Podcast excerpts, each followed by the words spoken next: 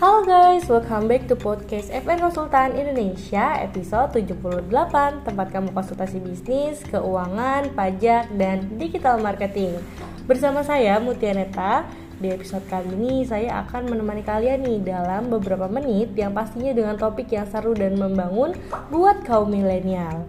Are you ready to be a billionaire at young age? Pastiin kamu dengerin sampai selesai ya Secara umumnya, kalau kita tahu debit itu apa sih? Jadi debit itu pengurangan deposito di dalam sebuah rekening bank atau catatan pos pembukuan yang dapat menambah nilai aktiva atau mengurangi besar kewajibannya. Sedangkan kalau misalnya kredit, jadi kredit itu kemampuan untuk melakukan pembelian atau pinjaman dengan adanya perjanjian untuk melakukan pembayaran dalam jangka waktu tertentu. Nah, jadi debit dan kredit itu merupakan istilah yang sering digunakan di dalam dunia akuntansi keuangan. Nah, debit itu diartikan sebagai pertambahan uang di dalam tabungan atau rekening. Selain itu juga dapat diartikan sebagai pertambahan transaksi. Sedangkan kredit diartikan sebagai pengeluaran uang saat melakukan transaksi. Namun, debit dan kredit tidak bisa hanya diartikan sebagai pertambahan atau berkurangnya uang di dalam tabungan. Nah, jadi dari tersebut itu dikarenakan untuk kepentingan laporan keuangan perusahaan, beda debit dan kredit tidak sesederhana itu. Jadi ada beberapa manfaat kredit, di antaranya adalah kredit akan meningkatkan daya guna dari modal.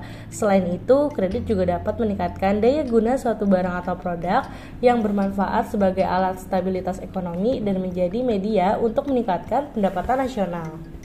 Berikut ini nih ada perbedaan dari debit dan kredit yang harus kamu ketahui dalam akuntansi. Nah, yang pertama adalah debit mengacu pada sisi kiri akun buku besar, sedangkan kredit berhubungan dengan sisi kanan akun pada buku besar. Di dalam rekening pribadi, pihak menerima akan didebit dan pihak pemberi akan dikreditkan. Di dalam akun neraca, apa pun yang masuk akan didebitkan, sementara apa pun yang keluar akan dikreditkan. Untuk laporan laba ruginya, semua pengeluaran dan kerugian itu akan didebit. Namun semua pendapatan dan keuntungan akan dikreditkan. Nah, dari peningkatan debit disebabkan oleh kenaikan cash, inventaris, pabrik dan mesin, tanah dan bangunan, pengeluaran atau seperti gaji, asuransi, pajak, dividen dan lain sebagainya. Sedangkan peningkatan kredit disebabkan oleh kenaikan dana pemegang saham, biaya keanggotaan, pendapatan sewa, laba ditahan, hutang, dan lain sebagainya.